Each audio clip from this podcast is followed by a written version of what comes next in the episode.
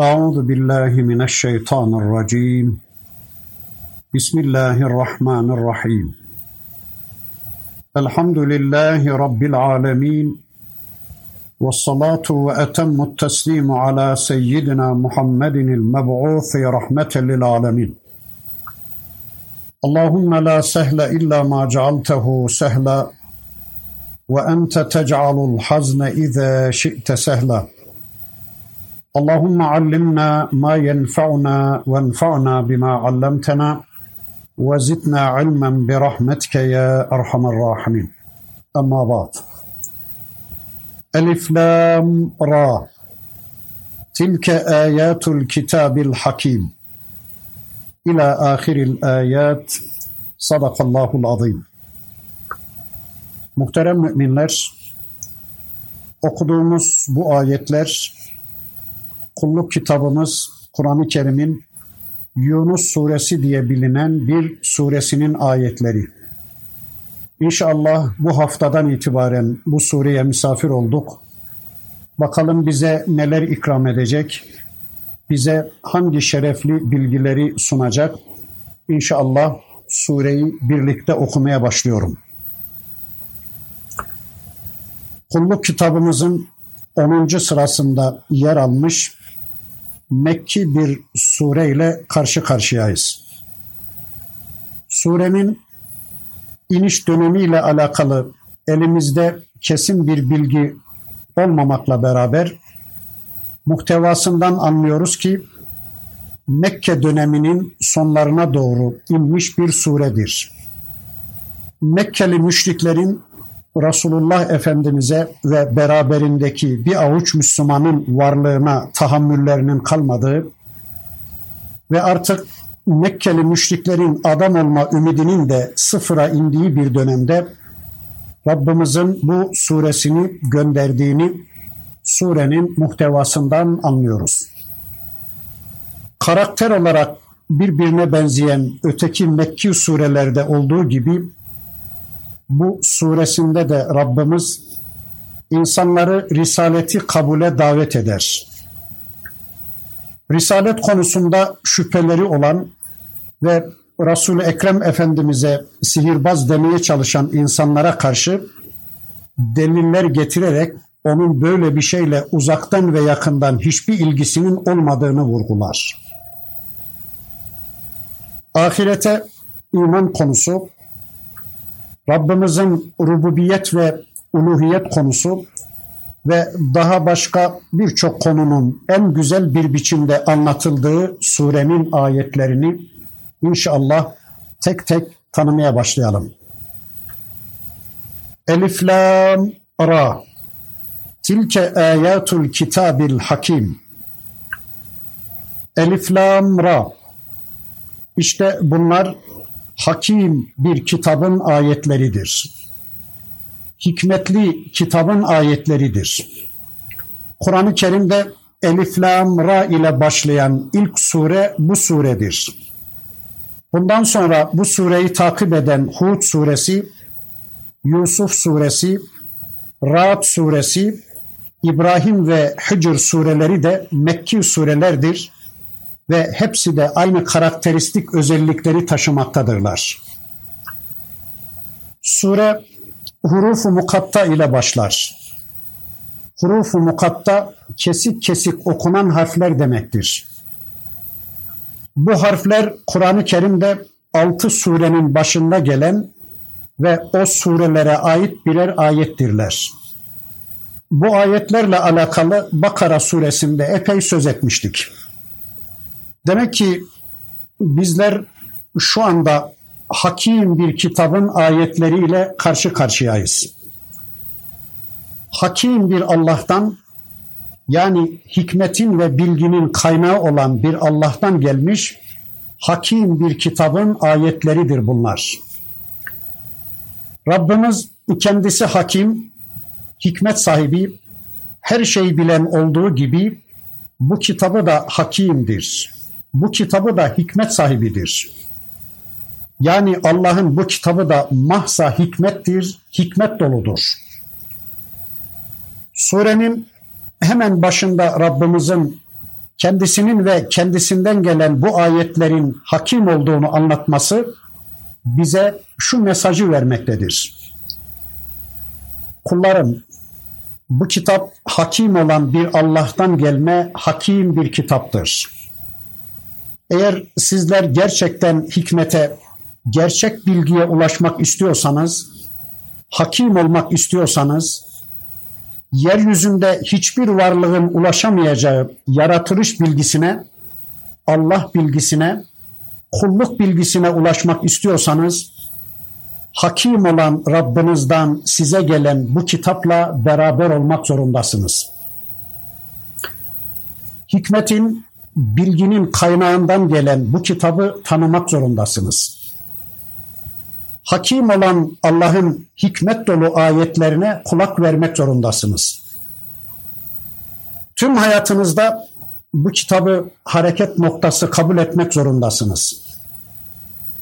Bunun dışında alim olabilmek için, hakim olabilmek için, bilgin, bilge olabilmek için başvuracağınız başka bir yol, başka bir usul yoktur buyuruyor. Bizi kitabıyla birlikte olmaya çağırıyor Rabbimiz. Allah'ın kitabından haberdar olmayan insanların cehaletten kurtulmaları kesinlikle mümkün değildir dün de, bugün de, yarın da yeryüzünün en alim insanları Müslümanlardır. Evet, bu kitabı bilenler alimdir. Bu kitapla beraber olanlar bilgindir. Bu kitaptan haberdar olanlar hikmet sahibidirler. Kur'an-ı Kerim'deki bu tür ayetlerin anlamı budur. Yani bunu bilenler alimdir Bundan haberdar olanlar fakihtir. Bununla beraber olanlar akıllıdır gibi kitabımızda pek çok ayet var. Tüm dünya şahittir ki Kur'an'ın yeryüzünü şereflendirdiği ilk dönemde yeryüzünün en cahil toplumu Kur'an sayesinde yeryüzünün en alimleri olmuştur. Dünyanın en bedevi insanlarını bu kitap dünyanın en alimi yaptı, dünyanın en hakimi yaptı, dünyanın en adil yöneticileri, dünyanın en örnek insanları yaptı. Sadece dünyanın değil, ahiretin de en alimi yaptı bu kitap onları. Yaratılış bilgisinin, Allah bilgisinin, kulluk bilgisinin vesaire aklınıza gelebilecek her bilginin en alimi yaptı bu kitap onları. Öyleyse bunu bu değişmez gerçeği tüm insanlığa ilan ederek diyorum ki ey insanlar, ey Allah'ın kulları gelin durumunuz, konumunuz ne olursa olsun, makamınız, koltuğunuz, konumunuz, renginiz, cinsiyetiniz, diplomanız, kariyeriniz, tahsiliniz ne olursa olsun gelin hakim olan Allah'ın hakim olan kitabına yönelelim. Hikmete ulaşma yolumuz her zaman açıktır. Rabbimiz tüm kullarının önüne böyle bir rahmet kapısı açmıştır. Rabbimizin açtığı bu rahmet kapısından istifade etmesini bilelim ve yeryüzünde hiçbir kaynağın sunamayacağı, hiçbir üniversitenin sağlayamayacağı hiçbir müessesenin veremeyeceği en üstün bilgilerle hikmet ve kulluk bilinciyle donanıp dünyanın ve ahiretin en alimleri olma imkanını elde edelim. Tilke ayatul kitabil hakim veya bir başka manasıyla muhkem bir kitabın ayetleridir bu ayetler. Semavat gibi, yıldızlar gibi tahkim edilmiş, Allah tarafından sağlamlaştırılmış, asla birileri tarafından yıkılamayacak muhkem varlıklar gibi bu kitabın ayetleri de tahkim edilmiş, sağlamlaştırılmış, güçlendirilmiştir. Hiç kimse ona müdahale edemez. Hiç kimse onu iptal edemez. Hiç kimse onun ayetlerini kaldıramaz. Hiç kimse onun ayetlerini yerinden ıratamaz. Hiç kimse onun yasalarını iptal edecek, ondan daha muhkem, ondan daha güzel bir yasa ortaya koyamaz. Böyle Allah tarafından tahkim edilmiş, sağlamlaştırılmış, kalpte olan, kabulde olan, levh-u mahfuzdan dünyaya yansıyan bir kitabın ayetleridir bunlar. Tilke ayatul kitabil hakim veya bir başka manasıyla hayata hakim olan, hayata hükmeden, hayatın tümünde söz sahibi olan bir kitabın ayetleridir bunlar. Zira Kur'an hangi konuda ne diyorsa bu değişmeyen bir yasadır. İyi kötü konusunda, hayır şer konusunda, hak batıl konusunda, adalet zulüm konusunda, iman küfür konusunda, cennet cehennem konusunda, hayat ölüm konusunda tek hakim, tek kıstas işte bu kitaptır. Kainatta neler olacağı, insanların başlarına nelerin geleceği konularında bu kitap ne demişse, nelerden haber vermişse onlar mutlaka gerçekleşecektir. Çünkü bu kitap hayatın sahibi ve hayatı programlayan bir makamdan gelmektedir. Bilgi kendisinden olan, bilginin kaynağı olan bir Allah'tan gelme bir kitaptır bu. İşte böyle sözü söz olan, dediği dedik olan ve hayata hakim olan bir kitaptır bu kitap. Ama aynı zamanda zaman içinde değeri, hükümleri, yasaları pörsüyüp, eskiyip, aşınıp değerini kaybetmeyecek bir kitaptır bu kitap. Çünkü bu kitabın yasaları zaman ve mekanla sınırlı değildir zamanın kendisini eskitemeyeceği, üzerinden yağmurlar, karlar, boralar geçse de tek yasasına, tek harfine bile halel getiremeyeceği, asla hiçbir gücün ezip bozamayacağı kalpte olan, kabulde olan, levh-i mahfuzdan dünya alemine yansıyan bir yazgının ayetleridir bunlar. Kıyamete kadar eskimeden tüm insanlığın problemlerini çözebilecek bir kitabın ayetleridir bunlar buyurarak Rabbimiz kitabını böylece ortaya koyduktan sonra bakın şöyle buyurur ekâne linnâsi aceben en evhaynâ ilâ raculin minhum. En enzirin nâse ve beşşirillezîne âmenû enne lehum kademe sıdkın inde rabbihim. Kâlel kâfirûne inne hâzâ lesâhirun mubîn.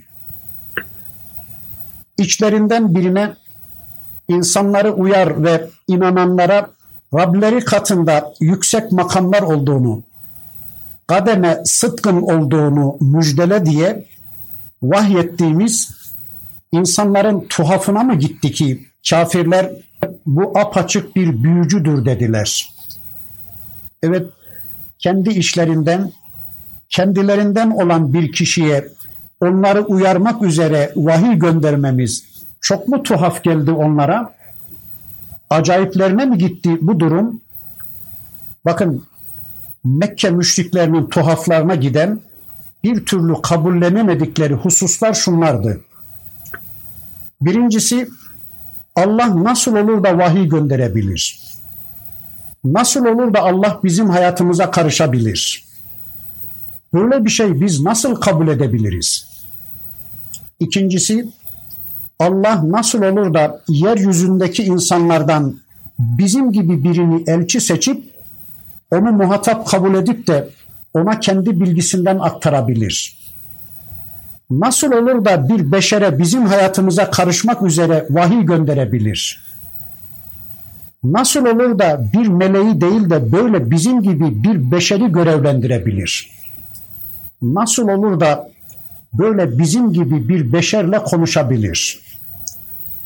Üçüncüsü Allah nasıl oluyor da bizim içimizden malı, mülkü, makamı, koltuğu serveti samanı olmayan sıradan bir insana vahiy gönderiyor. Allah bu iş için Ebu Talib'in yetiminden başkasını bulamamış mı? İşte bu insanların tuhaflarına giden hususlar bunlardı. Bir türlü akıllarına sığdıramıyorlardı bunları. Bir de belki bir dördüncü olarak şunu da söyleyebiliriz. Peygambere gelen Kur'an ayetlerinin ortaya koyduğu ölüm ötesi hayatın varlığına taaccüp ediyorlardı. Nasıl olur da öldükten sonra tekrar dirilebiliriz? Nasıl olur da yaşadığımız bu hayatın ötesinde bir hesap kitap olabilir diyorlar ve ahiretin varlığını reddetmeye çalışıyorlardı. Tabi kendi işlerinden seçilen peygamberi reddederlerken birinci dertleri Allah'ın vahiy göndererek, hayat programı göndererek hayatlarına karışmasını reddetmekti.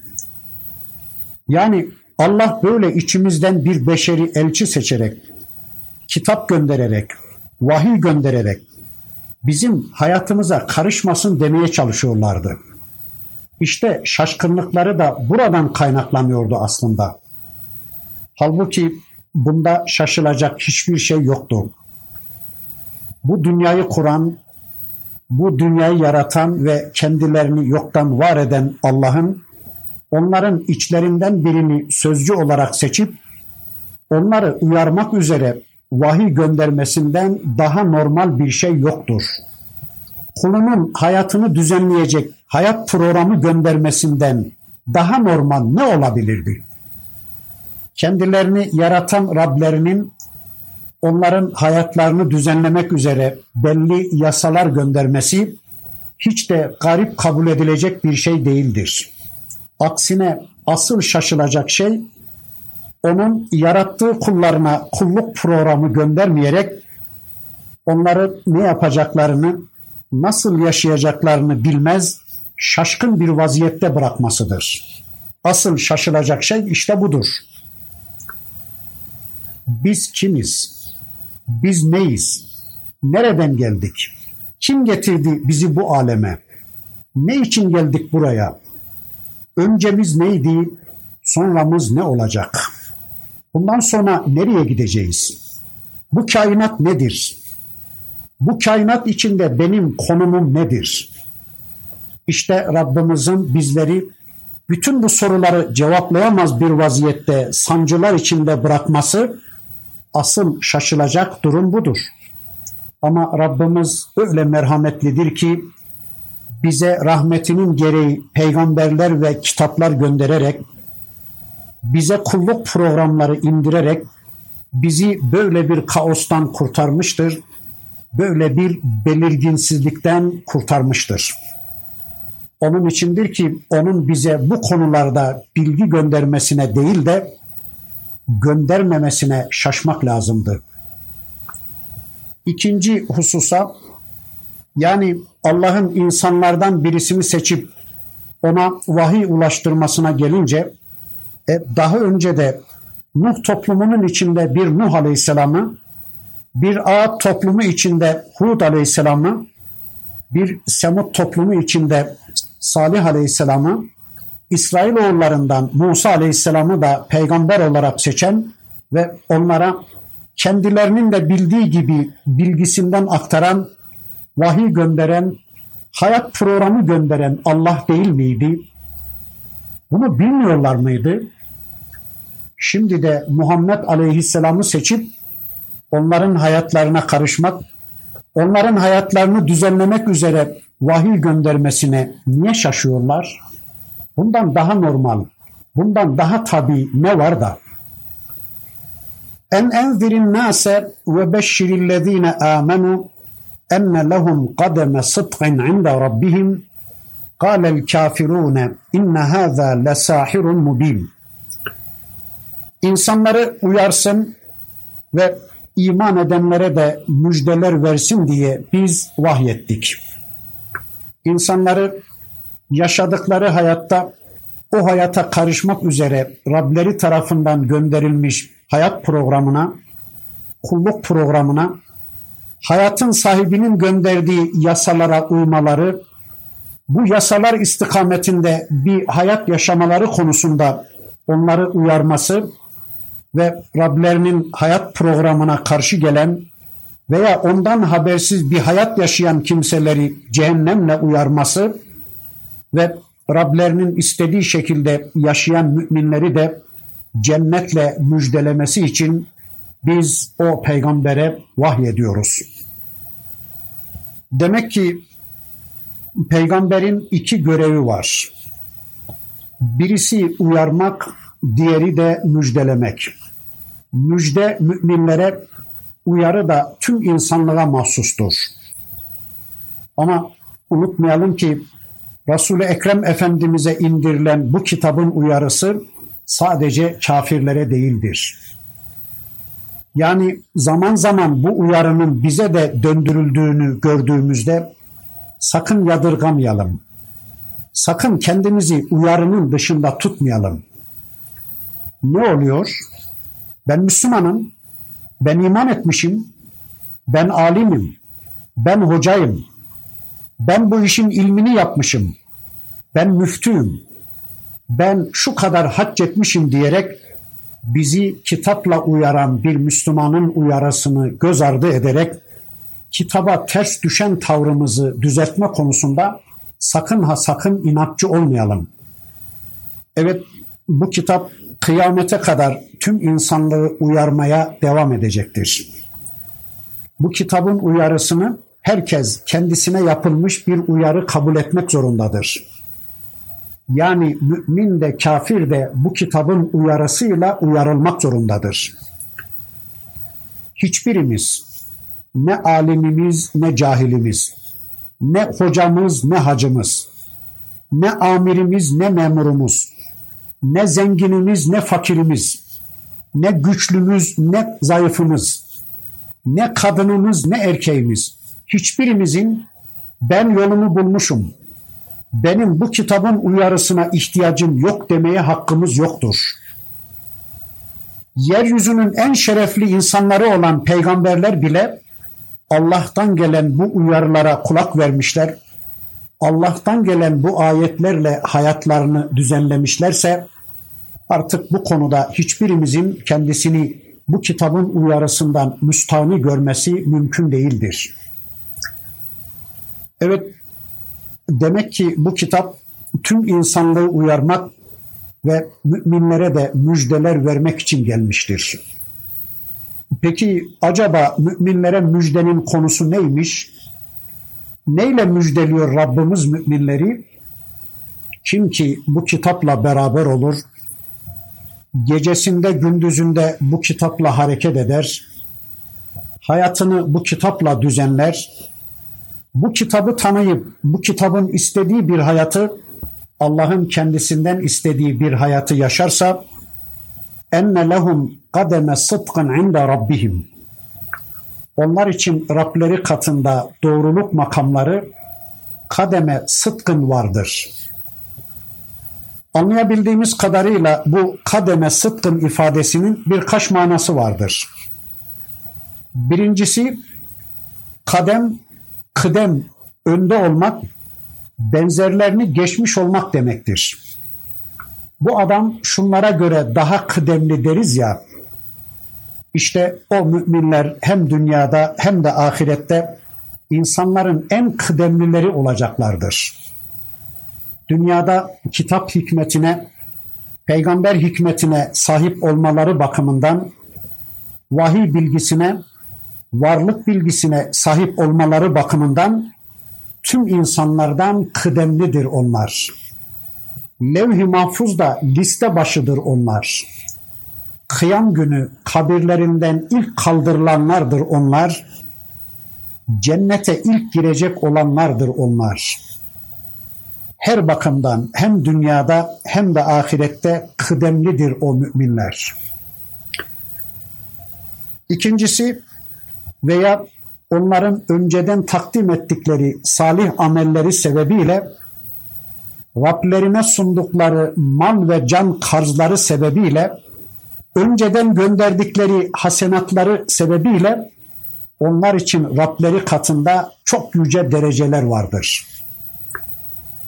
Tabi Rableri katında bir dereceden söz edilince birilerinin önünde olma, birilerinin önüne geçme söz konusu olunca elbette bu yarışta ileri geçmenin ölçüleri de yine Allah ölçüleri olacaktır. Birileri parada öne geçme, birileri makamda, birileri mansıpta öne geçmeyi hedefleyebilir. Ama Allah ölçülerinde bunların hiçbirisinin bir değeri yoktur.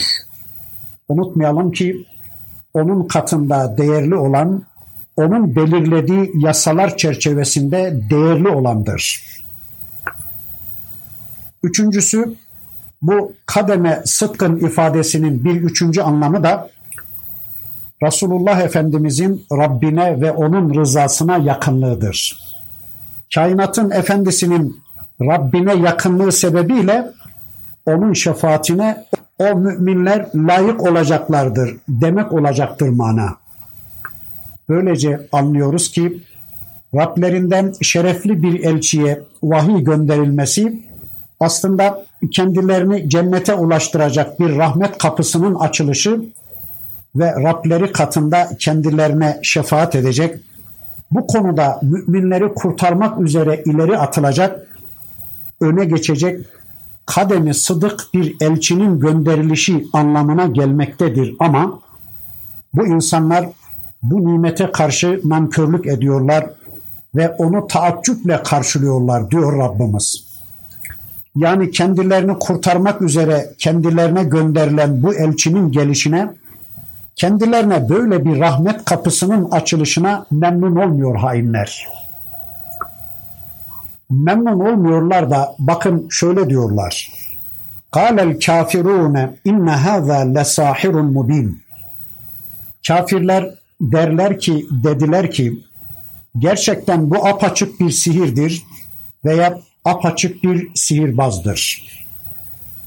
Yani gerek peygamber ve gerekse onun okuduğu ayetler karşısında hayret ve dehşete kapılan kafirler onun karşısında acizliklerini de itiraf adına bakın diyorlar ki bu ancak apaçık bir sihirbazdır veya bilgiç bir sihirbazdır. Profesyonel bir sihirbazdır. Tabi Kur'an karşısında peygamber karşısında kafirlerin yapabilecekleri başka bir şey yoktu. Vahiy karşısında ne yapacaklarını bilemeyen bu insanlar iftiraya sarılarak peygamberi de onun getirdiği vahyi de böylece reddediverdiler. Kafirler aslında biliyorlardı ki o bir sihirbaz değildi. Biliyorlardı ki bu kitabın ayetleri bugüne kadar hiçbir sihirbaz tarafından söylenememiş sözler değil ama sıkışınca ne yapsınlar? Başka diyecek bir şey bulamadılar ve işte öylece deyiverdiler. Allah'ın Resulü onlara Allah'ın ayetlerini arz edince Mekkeli müşrikler kesinlikle bunun bir insan sözü olmadığını, olamayacağını, insanüstü harikulade bir söz olduğunu anlıyorlardı. Çünkü o güne kadar pek çok hatip, pek çok şair görmüşlerdi. Onlardan hangisi söyleyebilmişti bunu? Hiçbirisinin böyle sözleri söyleyebilmesi mümkün değildi. Kendi işlerinden birisi olan Muhammed bin Abdullah'ın da böyle bir sözü söylemesi de mümkün değildi. Çünkü o aralarında doğup büyümüştü. Çocukluğundan beri tanıyorlardı onu. Yani Kur'an'ın kesinlikle bir insan sözü olmadığını biliyorlardı ama onu reddetmeye de kararlıydılar ve onun için de söyleyebilecekleri tek şey kalmıştı. O da bu bir sihirbazdır. Bu bir sihirden başkası değildir. Evet dediler ki bu bir sihirdir ve peygamber de bir sihirbazdır. Peki şimdiye kadar hangi sihirbaz bunları gösterebilmişti? Hangi sihirbaz bu sözleri söyleyebilmiş? Mesela Hazreti Musa Aleyhisselam'ı düşünün. ona da sihirbaz demişlerdi. Hangi sihirbaz becerebilirdi bunu? Hangi sihirbaz kendisine mutlak ceza verecek olan yeryüzünün en zalim ve en güçlü ordusuna sahip olan bir kralın sarayına böyle bir cesaretle girebilmişti bugüne kadar ve şimdi böyle bir zalim karşısında hangi sihirbaz bir asayı yılan haline getirebilirdi? Hangi sihirbaz bir el çabukluğuyla bir göz işaretiyle koskoca bir ülkeyi açlık ve felakete sürükleyebilmişti? Hangi sihirbaz bir ülkenin tamamının evlerine kurbağalar, çekirgeler, bitler doldurabilirdi? Hangi sihirbaz tüm suları kan haline getirebilirdi? Sihirbazlar sadece kendisinden mükafatlar alabilmek için o güne kadar onun ayaklarını öpmekten başka bir şey yapmamışlardı. Bunu çok iyi biliyorlardı.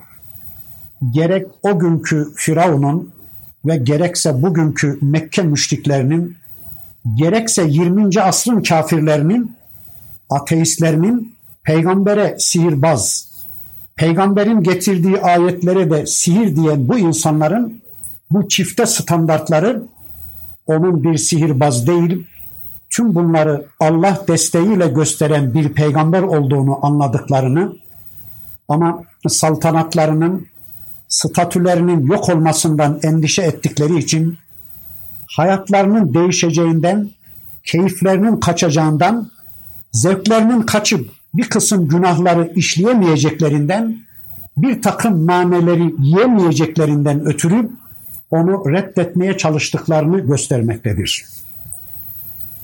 İnne rabbekumullahu lezî halakas semâvâti vel arda fî sitteti eyyamin ثم استوى على العرش يدبر الأمر Ma min şefi'in illa min ba'di iznihi. Zalikumullahu rabbukum fa'buduhu efela tedekkerun. Doğrusu sizin Rabbiniz gökleri ve yeri altı günde yaratıp sonra arşa hükmeden, arşı istiva eden, işi düzenleyen Allah'tır. Onun izni olmadan kimse şefaat edemez. İşte Rabbiniz olan Allah budur.'' Fa'buduhu sadece ona kulluk edin. Efela tezekkerun. Siz ibret almaz mısınız? Nasihat dinlemez misiniz? Evet, o Allah size kitap gönderen, size elçiler göndererek sizin cennet yollarınızı açan, gönderdiği kitapları ve elçileri vasıtasıyla kafirleri cehennemle uyaran, müminleri de cennet ve rahmetle müjdeleyen Allah, sizin Rabbiniz olan Allah, gökleri ve yeri altı günde yaratmıştır.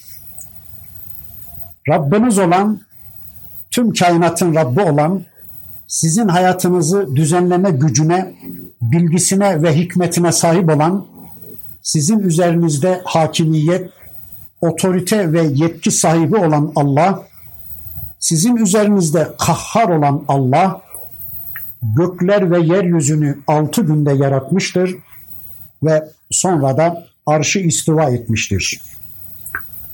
Bu altı gün nasıl bir gündür bunu bilmiyoruz. Yani şu bizim bildiğimiz 24 saatlik bir gün değildir bu. Çünkü Rabbimizin gökler ve yeri yarattığı o dönem ne gün vardı ne de güneş. Yani şu anda bizim bir gün dediğimiz zaman dilimi dünyanın kendi çevresinde dönüşüyle alakalı bir zaman dilimidir. Bakıyoruz Kur'an-ı Kerim'de başka gün tabirlerini de görüyoruz.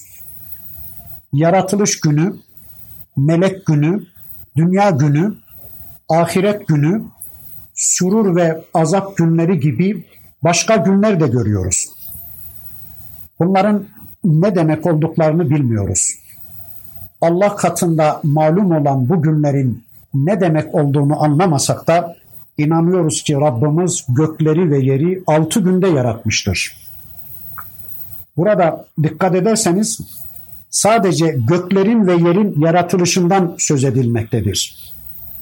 Halbuki kainatın tümünün yaratılmasıyla onun bir parçasının yaratılması arasında Allah için herhangi bir fark yoktur.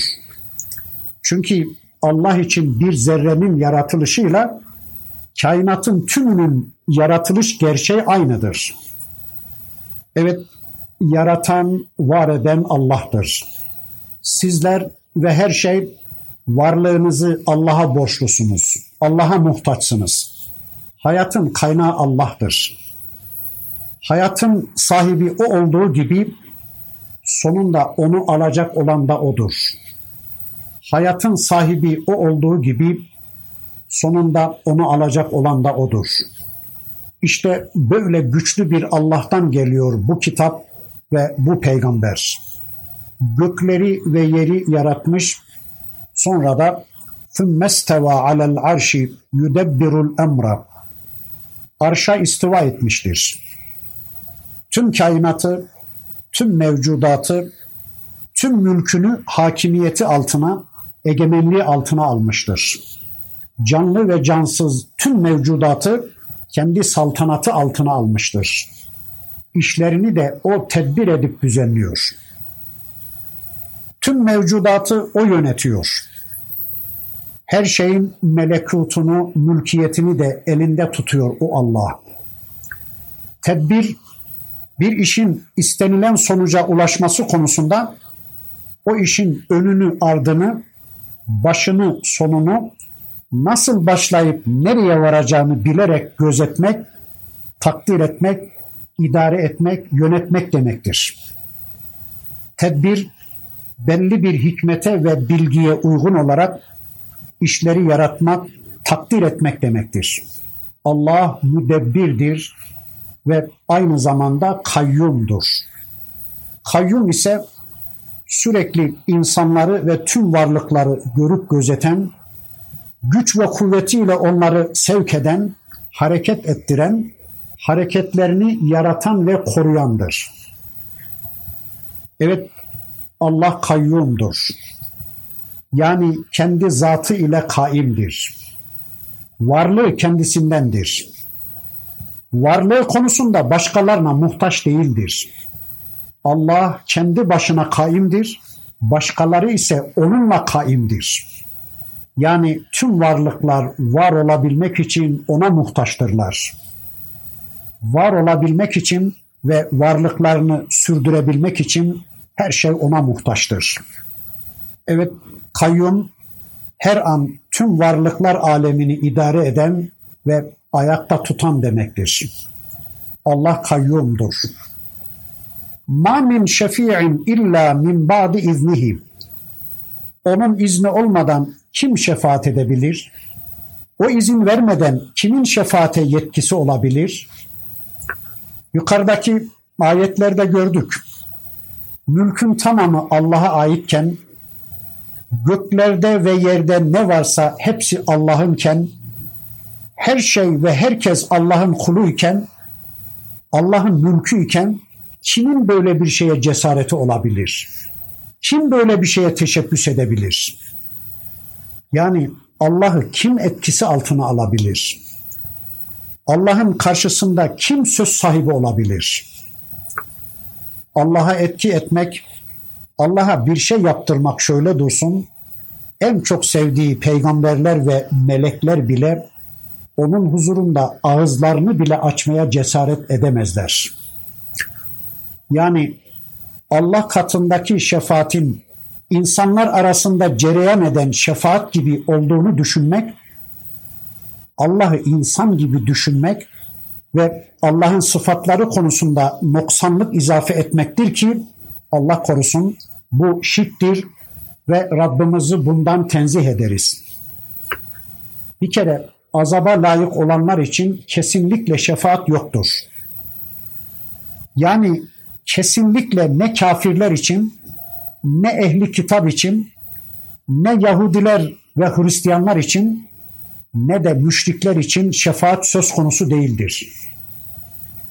Bunlar istedikleri kadar kendileri hakkında şefaatte bulunacak varlıklar bulmaya çalışsınlar.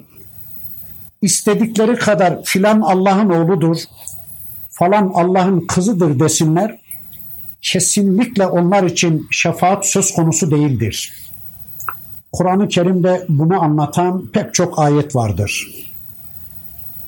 Müminler konusunda şefaate gelince bu kitap ve sünnetle caizdir ama Kur'an'daki ayetlere baktığımız zaman bu şefaatin aslı da şudur.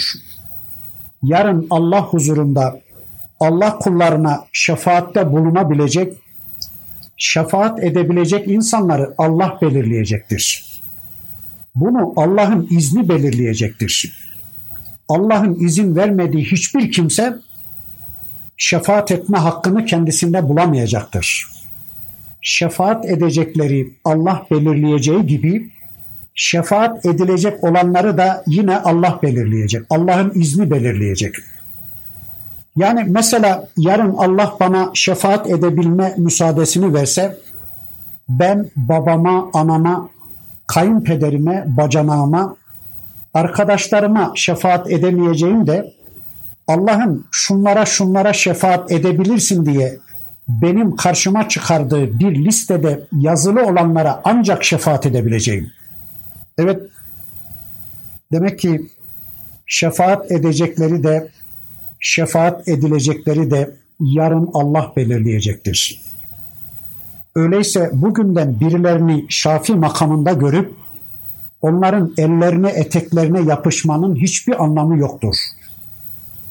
Yani yarın bunlar bizi kurtarırlar diye Allah'a yapılması gereken kulluk birimlerinden bazılarını onlara yapmanın hiçbir anlamı yoktur.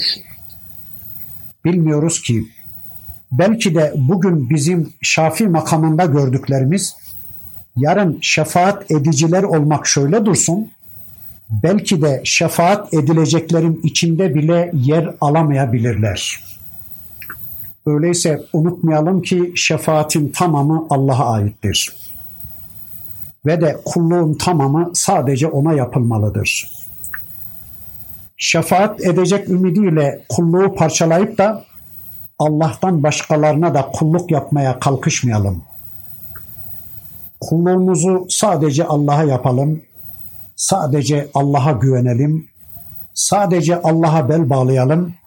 Sadece ona dua edelim. Sadece ona sığınalım. O dilerse seni bana, beni sana şefaatçi kılar. Yeter ki biz onu razı etmeye çalışalım. Zalikumullahu rabbukum fa'buduhu efela tezekkerun. İşte bu Allah sizin Rabbinizdir. Kur'an'ın tümünün anlattığı, tarih boyunca tüm peygamberlerin ortaya koyduğu Allah sizin Rabbinizdir. Rab makamında, uluhiyet makamında, hayatınızın kanunlarını düzenleme konusunda Rabbiniz O'dur. O her şeyin yaratıcısıdır.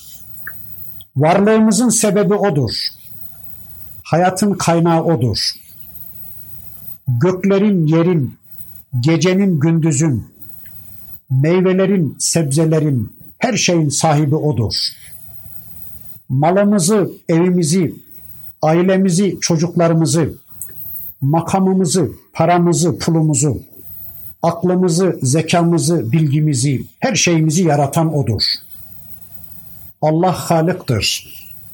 O halde sadece O'na kulluk edin.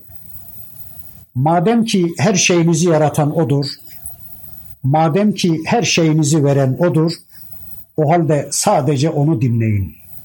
Sadece O'nun çektiği yere gidin. Sadece O'nun beğenisine bir hayat yaşayın. Sadece O'nun yasalarını uygulayın. Zaten problem işte buradadır.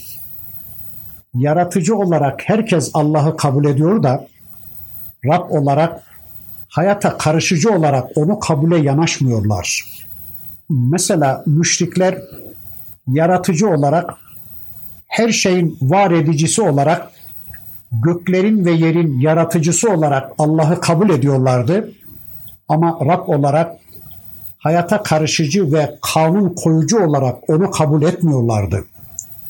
Rızık verici olarak yaratıklarının tümünü doyurucu olarak Allah'ı biliyorlar, inanıyorlardı ama hayatı düzenleyici olarak Allah'a inanmıyorlardı.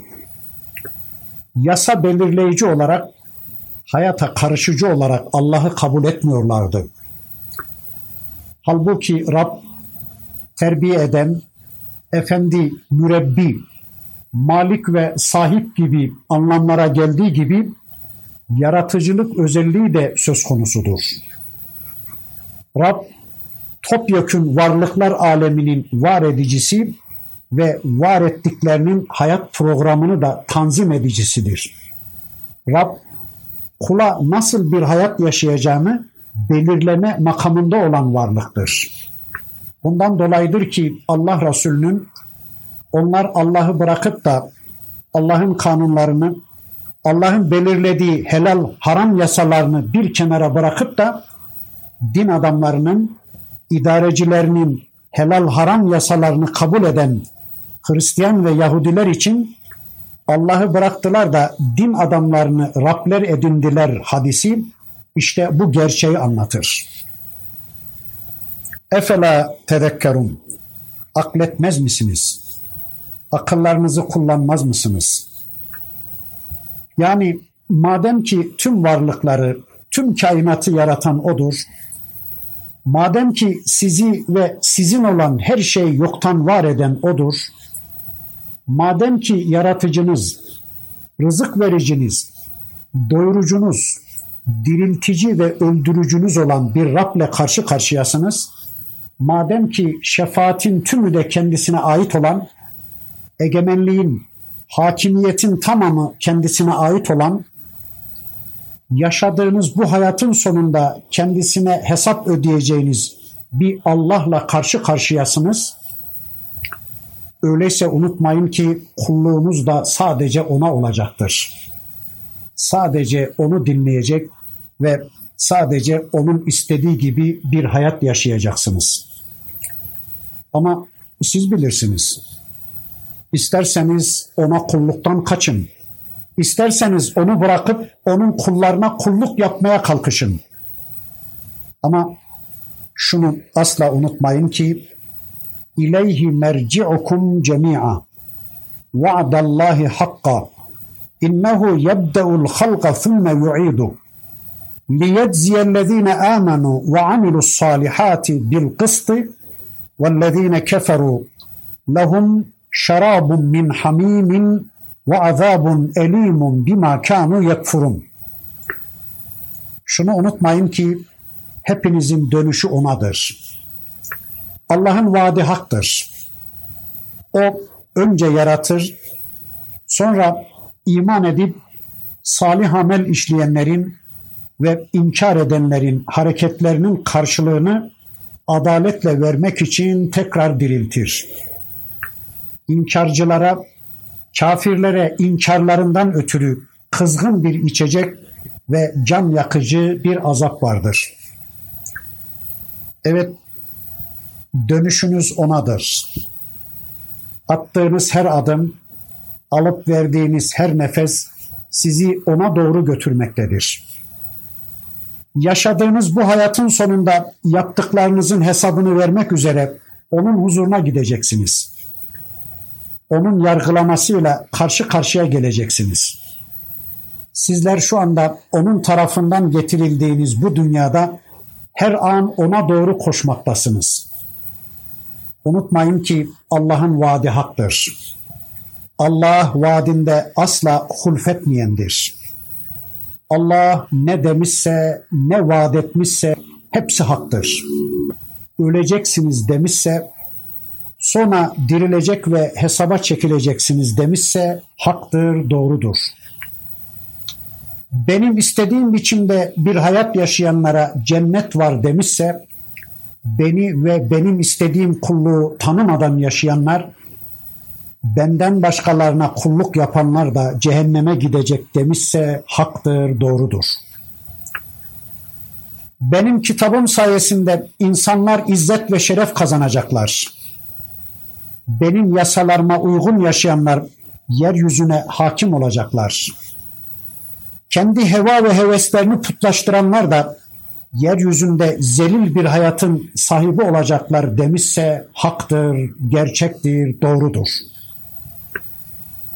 Kafirler cehenneme, müminler de cennete gidecekler demişse haktır, doğrudur. Allah ne demişse, nelerin gerçekleşeceğini haber vermişse, sonunda onlar mutlaka gerçekleşecektir. Bundan hiç kimsenin en ufak bir şüphesi olmasın. İnnehu yebde'ul halqa thumme yu'iduhu amenu ve amilus salihati bil kıstı. O Allah tüm mevcudatı yoktan var edendir. Yarattıklarını tekrar döndürüp diriltecek olan da O'dur. Peki niye böyle yapacakmış Rabbimiz? Yani niye yaratmış insanları? Niye diriltecek öldürdükten sonra Allah'a Allah'ın istediği biçimde iman etmiş, Allah'tan gelenlere Allah'ın istediği biçimde iman etmiş ve bu imanlarını sadece söz planında bırakmayarak hayatlarında görüntülemiş, yani imanlarının gereğini yapmış, yaşamış, pratize etmiş, yani imanlarından kaynaklanan bir hayat yaşamış müminleri adaletle mükafatlandırmak için.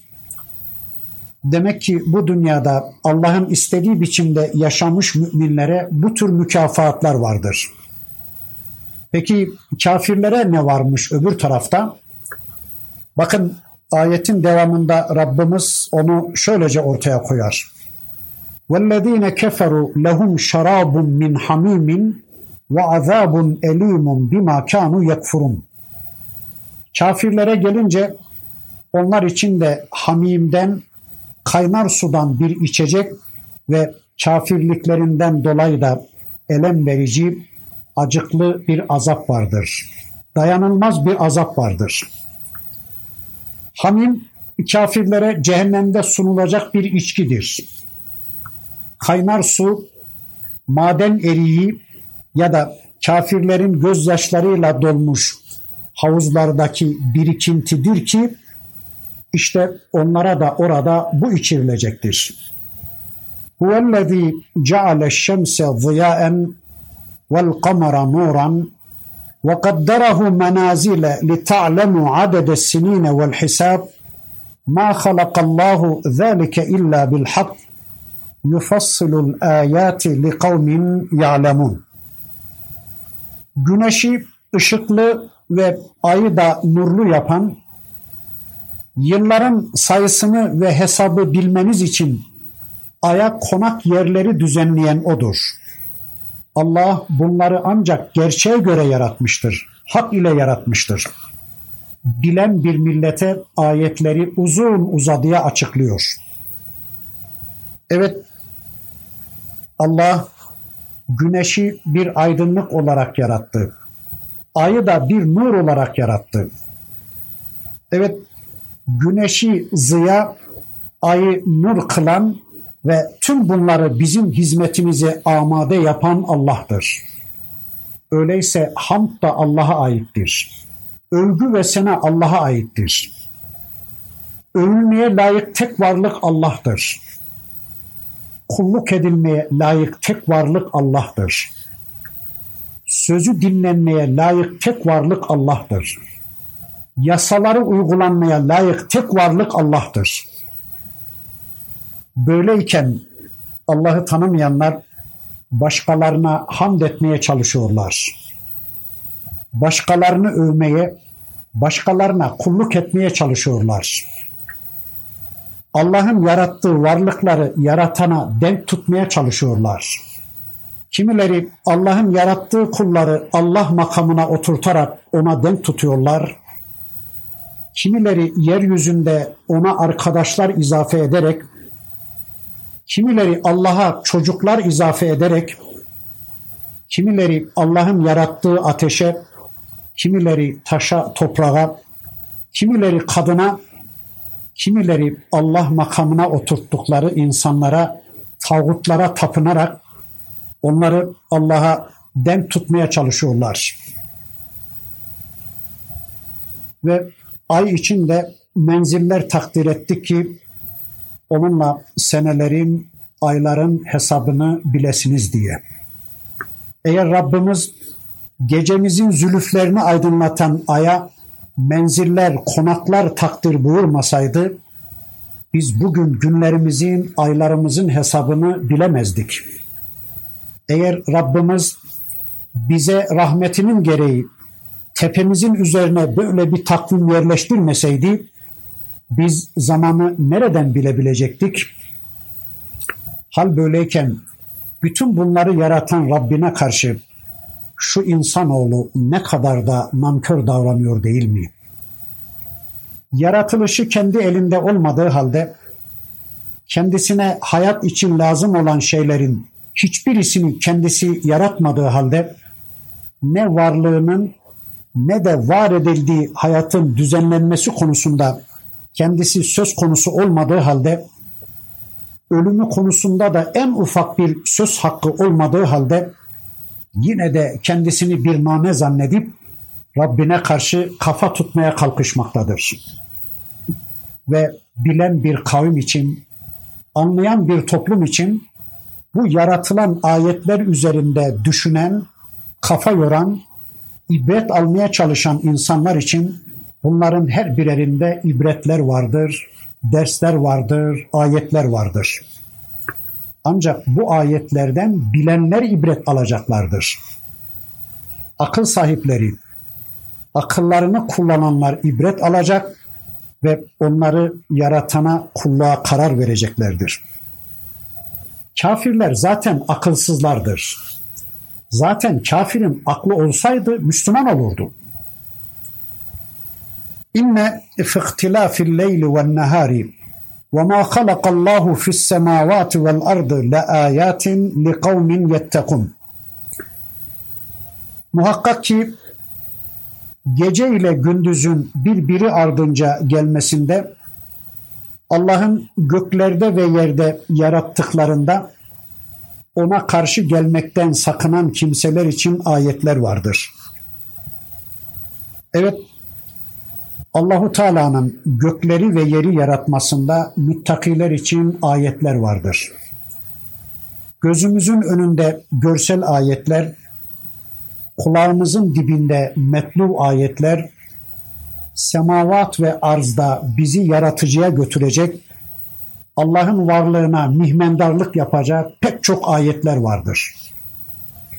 İnnellezîne lâ yercûne liqâ'ena veradû bil hayâtid dünya وَاطْمَأَنُّوا بِهَا وَالَّذ۪ينَ هُمْ عَنْ آيَاتِنَا غَافِلُونَ اُولَٰئِكَ مَأْوَاهُمُ النَّارُ بِمَا كَانُوا يَكْسِبُونَ Bizimle karşılaşmayı ummayan ve dünya hayatından razı olup, dünya hayatından hoşnut olup ona bağlananların ve ayetlerimizden habersiz bulunanların işte bunların kazandıklarına karşılık varacakları yer cehennemdir.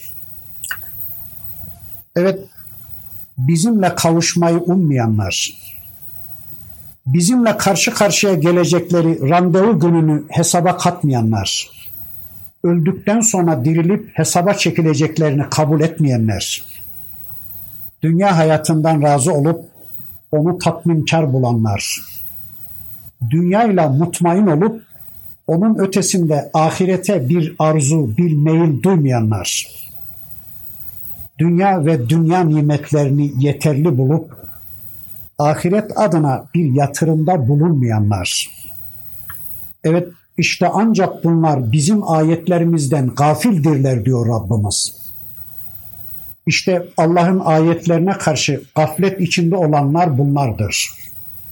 Kim ki dünyayı yeterli bulur, kim ki dünyayı hedef bilir, kim ki dünya ve içindekilerden razı olur, onu tatminkar bulur, onunla yetinmeyi düşünür, dünyayla mutlu olur ve ve dünyanın ötesindeki ahiret mutluluğunu, cennet nimetlerini ve cennet saadetini arzu etmezse elbette bu kişi Allah'ın ayetlerinden gafil olacaktır. Benim için önemli olan dünyadır.